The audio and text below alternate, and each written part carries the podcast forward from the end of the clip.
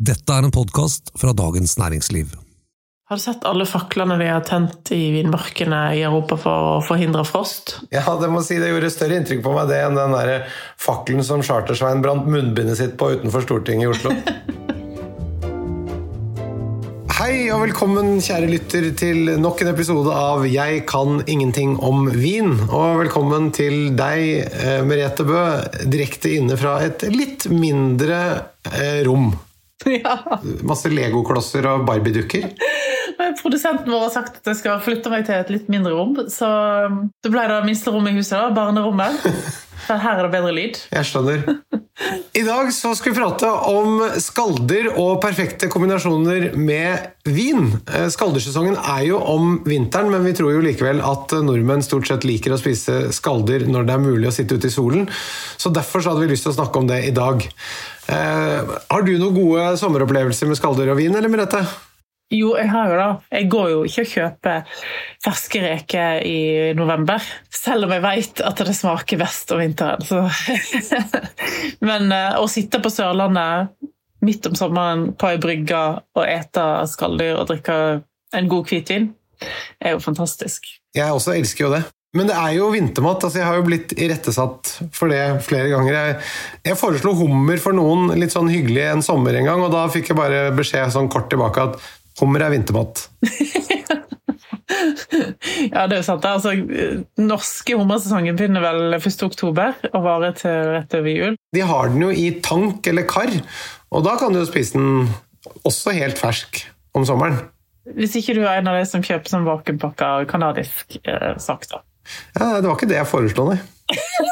Jeg foreslo ordentlig god norsk levende hummer som vi kunne koke og grille selv, men uh, det ble blankt avvist. Det var ikke noe vi skulle spise nå, nei. nei. Har ikke du uh, vært og spist skalldyr uh, blant Tviffen på Det Norske Selskap en gang, Thomas? Kan ikke du fortelle om det? jeg var en gang invitert som gjest på eh, åpen kveld på Det Norske Selskap. Mm -hmm. eh, hvor det da også var lov å ha med damer. Eh, som det jo ikke alltid er der. Stort sett aldri. Det der tror jeg er en myte, fordi medlemskapet er fortsatt forbeholdt menn, men det er stadig åpent for å ha med seg damer. Det er sånn at det nå er medlemmer som klager, og at det nesten ikke er mulig å finne en eneste kveld der det er mulig å føre en dannet samtale uten å bli forstyrret av skrålende kvinnfolk i lokalet. Kjæresten min og jeg var da invitert eh, sammen med en, eh, god venn av meg som er medlem, og hans kjæreste, eller kone. Det var altså et skalldyrsfat som bugnet noe så voldsomt. Og den var kjempefersk og god. Hva vin serverte de? Det var en chablis. Den var akkurat litt eiket, men ikke for mye. Så den, eh, og den hadde fin syre, og den var også litt alder på den. Ja. Det var veldig godt. Det eneste som jeg vil trekke, da, det er at det lokale er jo Det virker ikke som at de har oppdatert ventilasjonsanlegget der. Og når du har veldig mange mennesker inni disse gamle lokalene, eh, og medlemsmassen er jo, hva skal vi si, litt tilårskommen, da blir det jo litt promping i lokalet der. Så det er klart at eh, det var vanskelig av og til å vite når du lukter på vinen om det da var hva skal vi si for noe, om det var naturvin, eller om det bare var medlemsmassen som, eh, som slapp seg litt. Men hovedpoenget her var altså at det var fantastisk og imponerende å klare å holde så mye mat fersk til så mange mennesker, og samtidig servere en så god vin til så mange gjester. Det er ikke så ofte man opplever, så det var veldig gøy. Og det var en superhyggelig kveld. Litt promp, det tåler vi. Say hello to a new era of mental health care. Cerebral is here to help you achieve your mental wellness goals with professional therapy and medication management support. 100% online. You'll experience the all new Cerebral Way, an innovative approach to mental wellness designed around you. You'll get a personalized treatment plan from a therapist, prescriber, or both in a safe and judgment free space. Your Cerebral therapist or prescriber will outline a customized plan with clear milestones along the way so you can get to feeling your best. With Cerebral, you're not alone in your mental health journey. We're here to empower you to live a fulfilling life. So take that first step towards a brighter future and sign up today at cerebral.com slash podcast and use code ACAST to get 15% off your first month. Offer only valid on monthly plans. Other exclusions may apply. Offer ends July 31st, 2024. See site for details. Vi skal altså snakke om de klassiske skalldyrrettene, og vi skal komme med eh, de beste kombinasjonene til eh, vin. Og husk at all vin står i episodeinfoen. Og i dag, Merete, så vi snakket litt om det at du kanskje også skal eh, være litt mer overordnet på vinanbefalingene og, og, kanskje holde deg litt mer på distriktene, og så kan vi eventuelt legge inn noen produsenter i episodeinfoen som forslag. Er ikke det en plan? Jo, eh, og så er det jo litt sånn at ting blir fort utsolgt. Eh, men det er jo litt sånn at hvis en nevner én produsent, så er det ofte at den produsenten har flere viner inne. Som, og produsenten er ofte såpass flink at eh, hvis den ene vinmarken er utsolgt, eller den ene årgangen, så kan det hende at det finnes andre ting som, fra samme produsent som er mulig å kjøpe. Man kan tenke område, man kan tenke produsent, så vil man sannsynligvis få en ganske fin opplevelse uansett. Ja. Og i dag så skal vi gå gjennom da østers. Vi skal snakke om blåskjell, vi skal snakke om reker, vi skal snakke om sjøkreps, krabbe og hummer. Seks forskjellige eh, skalldyr. Og poenget er å ta utgangspunkt i de unike egenskapene ved hver enkelt av disse råvarene. For de blir jo ofte slått sammen i en stor sekk og sagt hvitvin, hvis man skal være veldig overordnet. Og så er det Chablis eller Riesling, og så er det ikke noe mer enn det. Men uh, vi skal snakke litt mer nyansert om det enn det. Er ikke det greit, Merete? Jo, absolutt. Hvis en går på en restaurant og kjøper et skalleplatå, så får en jo alt fra blåskjell til reke til sjøkreps, og, og, enda mer, kanskje. Og du, av og til så må du jo ta én vin, og ikke én til hver. Og da er det jo sånn som de gjorde i Det norske selskap. Jeg hadde jo ofte valgt en Chablis til et skalldyrsplateau, selv om det kanskje bare passer dødsgodt til ett eller to av skalldyrene, og ikke til alle. Eh, det samme òg med en eh, blad de blad champagne, f.eks. Kan jo være en veldig god match. Ikke kanskje til rekene, men til østersen mer, ikke sant. Så ja. Men da har vi egentlig gjort unna da, og sagt at det er enten Chablis eller Blad og Blad du har som favoritter der. Mm. Og når du sier eh, blad og blad, så snakker vi da om en champagne som er laget på hvitvinsdruer, og da eh, i all hovedsak chardonnay. Absolutt. Ja. Eh, da er det jo masse å velge mellom, men et godt kjøp som er tilgjengelig i basissortimentet til Polet, vel å merke kun i de største butikkene, heter Michel Turgi, holder til i eh, det mest klassiske av alle chardonnay-byer i landsbyer i Champagne er Menil. Eh, og han lager en strålende blandeblad til litt over 300 kroner, som er et ganske godt champagnekjøp. Ja, det var ikke noe dårlig tips. Og hvis vi da skulle tatt en chablis som da er laget på samme druen, altså chardonnay, men man da ikke har lyst på boblene, og litt lenger syd, så litt varmere klima enn champagne, hva, hva slags uh, Har du en chablis som alltid er i hyllene? Som alltid i hyllene? Mm. Eller nesten alltid, da. Vanskelig. en produsent som alltid har Chablis inne på polet, som er av veldig høy kvalitet, er Duplessis. Og eh, de har hele rangen fra Petit Chablis, som koster rundt 300 kroner, til topp kuveen, altså Grand Cru. 700-800 kroner. Så her kan du liksom velge og vrake, og av og til er de inne i flere årganger òg. Uansett hva Chablis du skal velge, velg en i kjølig år. Det er det viktigste. 17 og en strålende årgang. 19 er bedre enn 18. 18 syns jeg generelt sett er ganske um, anonymt og stort og rikt. Ja, fordi det er viktig å nevne at uh, en varm årgang gir en vin som oftest med litt mindre syre, og det er ganske stor forskjell. Så derfor, kjære lytter, husk på 18 kjøper du med omhu og kun de som du vet har fått det til. Fordi hvis du bare uh, handler blindt uh, fra 2018-årgangen, så er sjansen stor for å gå på en smell. Ja. Ok, det var skalldyrsfattet. Da skal vi rett og slett starte med østersen, vi. Vi begynner jo der. Østers er jo en fantastisk råvare som er veldig god i Norge òg. Eh, veldig god i, i, Irland, i Skottland, i England, i Frankrike, selvfølgelig. Og østers er jo salt og mineralsk og smaker jo fersk sjø, det er det det skal gjøre. Eh, og norsk flatøsters er jo ja, blitt mer og mer vanlig. Så til østers vil jeg gjerne hatt en chablis, Um, gjerne Duplessis, sånn som jeg sa. Uh, en annen produsent som er kanskje liksom lettere tilgjengelig, en produsent heter Brocar, uh, som har ganske gode chablier, mineralske chablier som fins i, i basissortimentet til polet.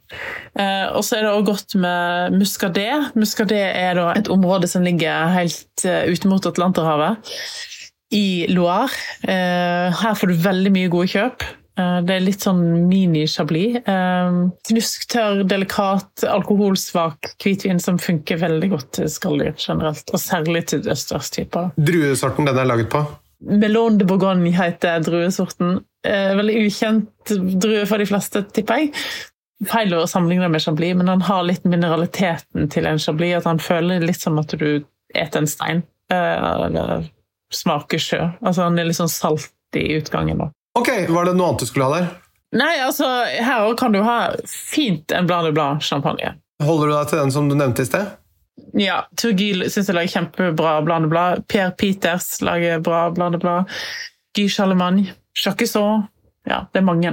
Hvis vi, skal, hvis vi skal pirke enda mer her, har du noen noe um, synspunkter på dosasjen, eller altså sukkerinnholdet i champagnen? Om den skal være helt knusktørr, altså enten zero-dosasje, eller om den skal være bare brutt, som er inntil 12 gram sukker?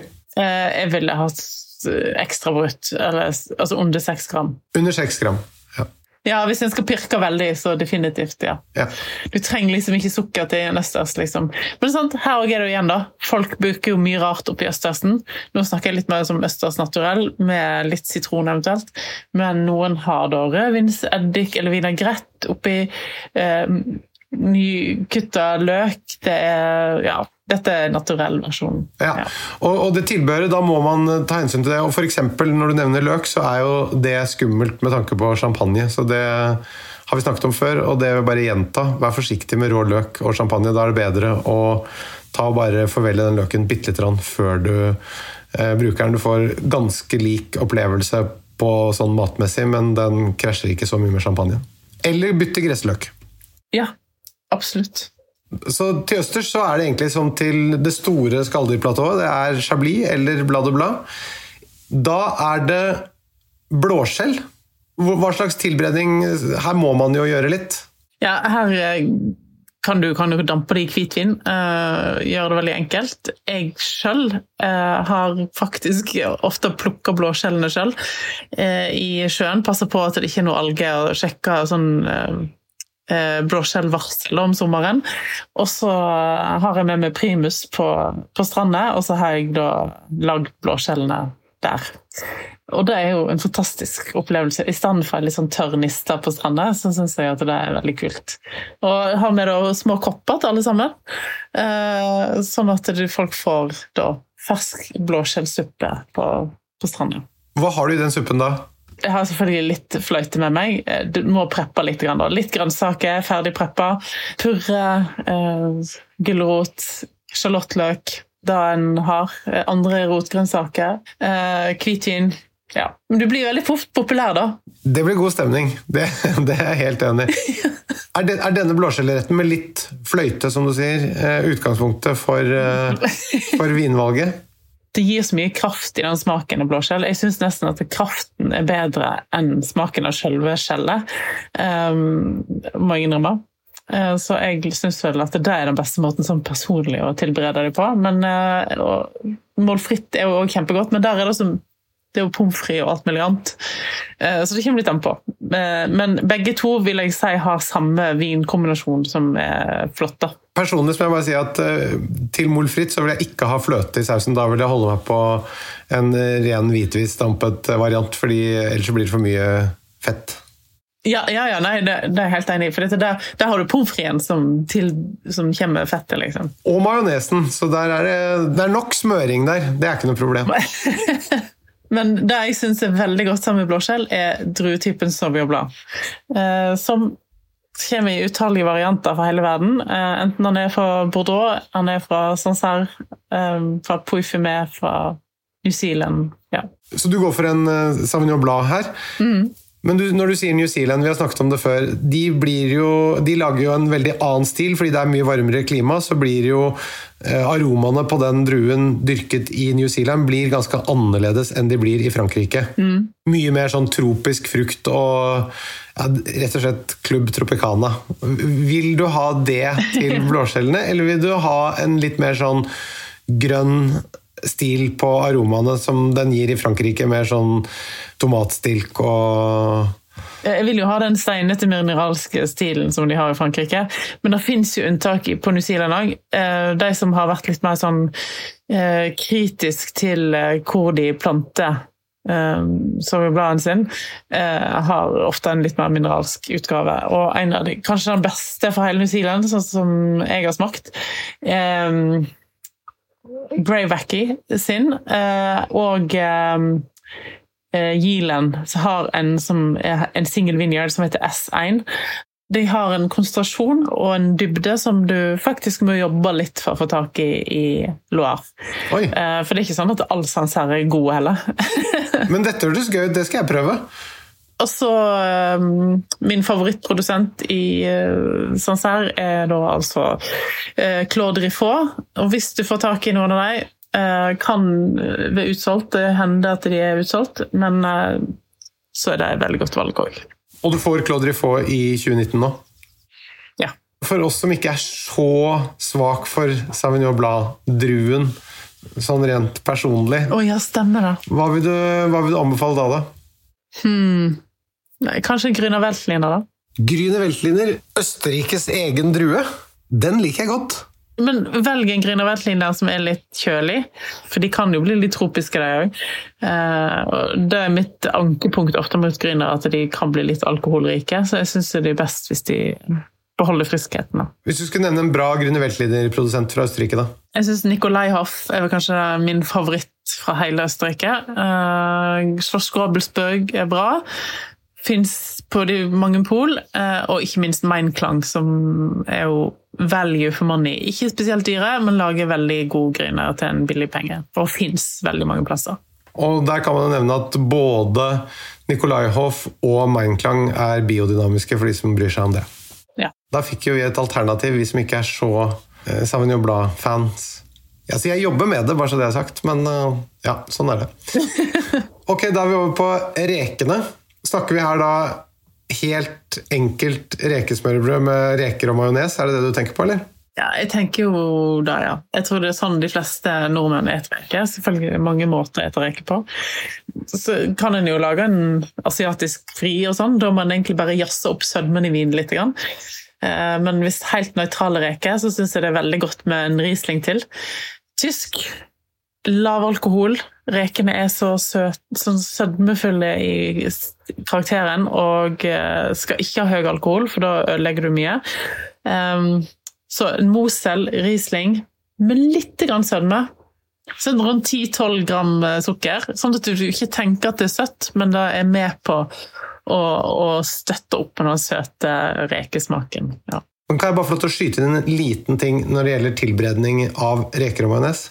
Ja jeg skjønner at det praktiske også teller når man velger seg reker å spise. For det er liksom bare å kjøpe en sånn pose og en loff og en tube, og så er, er man i gang, liksom. Men det er lov å legge litt grann å lage den majonesen selv. Det er ikke så vanskelig å vispe sammen de eggeplommene, litt sennep, litt syre, litt salt og litt olje. Og kanskje ha litt rømme og dill oppi der litt sitronskall. Takker lang tid. Det må være lov å si. Også godt brød, ikke bare en sånn der eh, spiralloff fra Kiwi, altså. Nei, vet du hva, jeg er helt enig. Fordi den, den smaken av ordentlig godt bakt, ferskt brød, det er jo noe helt annet enn det brødet og den, enn den baksten som de selger i, i dagligvarebutikkene. Ja, Det er faktisk en av de få gangene jeg virkelig legger litt sjel i å bake en loff. Det er om sommeren på hytta når uh, lokalbutikken ikke har så mye å bidra med. Så baker jeg loff selv. og det blir uh, veldig godt, faktisk. Jeg også har en, en kjæreste som er veldig god til å bake brød generelt, og også da loff. Og det blir jo noe helt annet når vi spiser det til rekene. Absolutt. Ok, da er vi over på sjøkrepsen. Hvordan skal du tilberede den? Der syns jo jeg eh, Den beste opplevelsen jeg har hatt med sjøkreps, har jeg hatt hjemme på grillen. En smoker. Tre minutter. Ikke legg de rett på grillen, da blir det veldig mye rengjøringsarbeid. Jeg pleier å legge dem på ei rist, altså, eller en sånn aluminiumsform hvis du har det, men at du får den sånn det, her, skal du, her skal du ikke stå og nyte ølen eller vinen for lenge, for her må du tenke at dette tar bare noen få minutter. Sjøkreps som er varmebehandla for lenge, det er ganske kjedelig. Og når det blir sånn melen og døll, så kan jeg bare droppe det for min del. Men uh, når du får perfekt vannbehandla, litt sånn røykpreg på sjøkrepsen, syns jeg er helt fantastisk. Da er det verdens beste og enkleste rett, ikke minst. Hva har du på den, da? Litt smør, kanskje. Ja. Litt sitron og kanskje litt dill. Dette gjør jeg hver eneste sommer. Den største jobben med å gjøre den, gjøre den, retten her, er jo egentlig å få tak i fersk sjøkreps.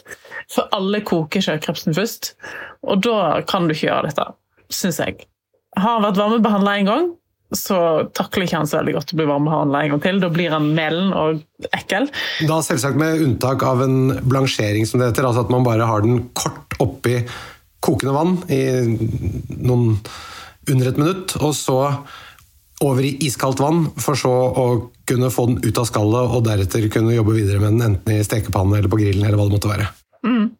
Og hvis du kjøper ferdigkokt sjøkreps, så bruker jeg den som ei reke, liksom. Altså, du tar den ut og legger den på ei skive eller noe sånt. Men, men eh, å varmebehandle sjøkrepsen levende sjøl, dele den i to, rett før du skal legge den på grillen, fantastisk. Hvor er vi på vinen her? Jeg liker veldig godt Riesling til sjøkreps, altså. Um, men da er jeg litt, på litt tørrere variant enn til rekene. Uh, men det kan godt ha noen gram, altså noen gram sødme, men ikke, ikke søt på noen måte. Uh, men en fersk Nae Riesling f.eks. fra produsenter som Krüger Rumpf eller Dunhoff syns jeg er veldig godt. En god match. Men da er du på en GG, eller? Ja, kan, det kan ofte ta litt overhånd. Jeg liker helst litt sånn Erste-gevekst, eller Erste-laget, altså sånn Premier Crew-variant. Eh, for GG blir veldig voldsomt til sjøkreps ofte. Eh, så hvis jeg skal si én vin, da, konkret vin, så ville jeg kanskje sagt Aptei. Vinmarken Aptei, som kommer nok til å bli en GG om noen år fra produsenten eh, Krugerumf. Og dette er jo et røverkjøp. Dette er jo en vin som kommer til å bli dyrere. Og det er 2019 veldig bra årgang på den vinen. Ja. Hva med krabbe? Den gjørma inni der, den, eh, der går det vel an å gasse på litt mer, gjør det ikke det? Ja, altså, krabbe er jo I fjor så kjøpte jeg eh, eller jeg og broren min kjøpte ganske mange krabbeteiner og prøvde iherdig å, å, å, fiske krabbe. Det gikk veldig dårlig, så det ble ikke mange krabbemåltid. Det ble noen store krabber i Hardangerfjorden, men uh, vi lærte etter hvert at de store i Hardangerfjorden skulle hun ikke ete, for de var fulle av miljøgifter. så det er jo... Uh, men uh, krabbe, taskekrabbe kan jo og Det som er kult med taskekrabbe, er at du, de tåler mye varmebehandling. De er ikke sånn sjøkreps der du må stå og se på sekundviseren på klokka. men men her, her tåler de litt mer. Og så kommer det an på et du hele greiene, eller et du kun det fine kjøttet i klørne. Um, ja. Jeg er jo litt sart der. Jeg er jo en landkrabbe fra Voss. Jeg er ikke så god på sånn der eh, rasker med meg hele, hele stranda inn i kjeften. Så jeg spiser bare klørne. du gjør det? Nei, jeg må si at uh Inntil jeg ble klar over det miljøaspektet med dem, som eh, gjorde at jeg nå styrer unna hele dyret. Men før så syns jeg det er godt med da kjører jeg på med alt, rett og slett. Og litt eh, chili og koriander og litt mer sånn Jo, noe av det kjekkeste eller beste krabberetten jeg vet, da, er jo pepper crab. Men da bruker jeg jo enten kongekrabbe eller torskekrabbe, alt etter hva som er tilgjengelig. Med masse svart pepper, chili, koriander, ketsjup manis um, ja, som gjør retten at krabben blir ganske nøytral, eller kamuflert, og disse asiatiske smakene spiller hovedrollen. Peppercrab er fantastisk. Kan jeg få lov å gjette hva slags vin du skal ha til dette? ja. Kommer du unna Riesling med restsødme da? Nei, det er faktisk ingen Jeg tror ikke det finnes et alternativ engang. Og da er vi på Mosel, da, eller? Eh, Mosel kabinett, eller kanskje en frisk spetlese. Den er såpass heftig, eh, peppercrabben. Eh, og hvis du lurer på hvordan du lager den, så fins Vi har flere oppskrifter på dn.no, eller på Smak sine oppskriftssider, så da kan du bare sjekke. Jeg kan kanskje klare å legge til en oppskrift i episodeinfoen òg. Men der kan du kjøre på med sødmen. Og jeg har alltid et problem med hva jeg skal bruke av de spetleserne jeg kjøper til kjelleren, for jeg syns det er så godt når jeg smaker det, og så kjøper det. Klarer ikke å finne et bruksområde. Dette her er en av de få bruksområdene jeg har klart å finne. Ja, så, så her kan du drikke spetlese, min venn, hvis du har. Ja. Nå sklir vi ut i alt som kokekunsten kan tilføre, men eh, hvis vi da blir ved selve råvaren her, hva vil du anbefale da på krabbe?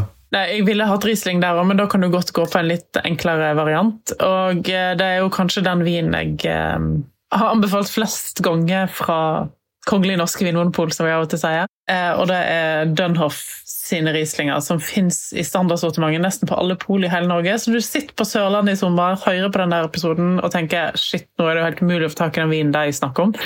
Dunhoff sin Riesling og Riesling Trocken fins nesten hele året, og på veldig mange pol. Så den får du alltid tak i. Den koster nå skal jeg ta, gi deg forkjøpet, Thomas, og si at den har kostet under 150 kroner. Ikke under 200 engang, under 150.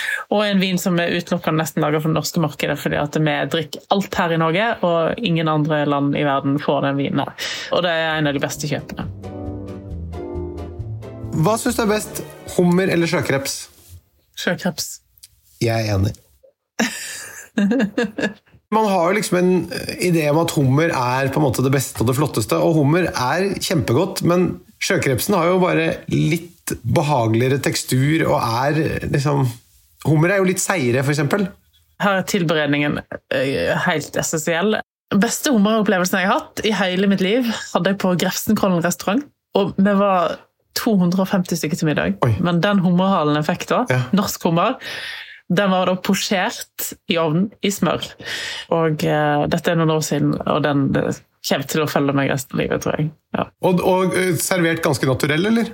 Helt naturell, bare med smør. Men dette er jo da en eh, hummer naturell, og hva slags vin hadde du, eller anbefaler du til det? Det var en hvit burgund. Jeg tror det var Monti. Eh, sikkert noe sånn Maison de Monti, um, siden det var en hvit en. Eh, så ja, jeg mener det var det. Og det er jo litt sånn at når en tar seg råd til å kjøpe seg en hummer, eh, og lager den på en god måte, så syns jeg at eh, du skal bruke litt penger på vin òg, ikke bare på hummerven. Hvis du går for en veldig, mm, veldig naturell en, kan vi også få lov til å ta en chablis, da, eller? Ja, ja. ja. Litt fyldigere en. Altså en Premier Cru eller en Grand Cru, og eh, gjerne en som har vært på eikefatet. Uten at du ikke har blitt så kjenner ikke du eiken så godt som du gjør i sentralbryggen. Eh, så jeg kunne gjerne sett at det var litt eiket der, men det er det jo ofte i en god chablis. Ja. Hva er dine favoritt-skalldyrrestauranter i, i Norge? Jeg vet ikke hva, Dette er litt pinlig å si, jeg har tenkt gjennom det. Eh, jeg må si ingen. Nå får jeg sikkert mange eh, på nakken her, men jeg er veldig generelt sett skuffa over skalldyrrestauranter i Norge. Jeg syns det blir servert altfor mye frosne eh, skalldyr, eh, mens prisen du betaler, er for de ferske. Eh, Det ble servert altfor mye dårlige rekesmørbrød rundt omkring i Norge, eh, med lakereker og eh, ja. Når vi har dette koldtbordet ute i sjøen av eh, et skalldyrsplatå liksom, som er der, og så klarer vi liksom å bomme på, for, på foredlingen og oppbevaringen av disse fantastiske årene, syns jeg er veldig synd. Og i Oslo òg. Mange som har sjøkreps på menyen, og jeg bestiller det veldig ofte på restauranter. Og eh, jeg blir ofte skuffa, for de er ofte små og melende og ja. Her er det en gyllen anledning til å kokkelere selv.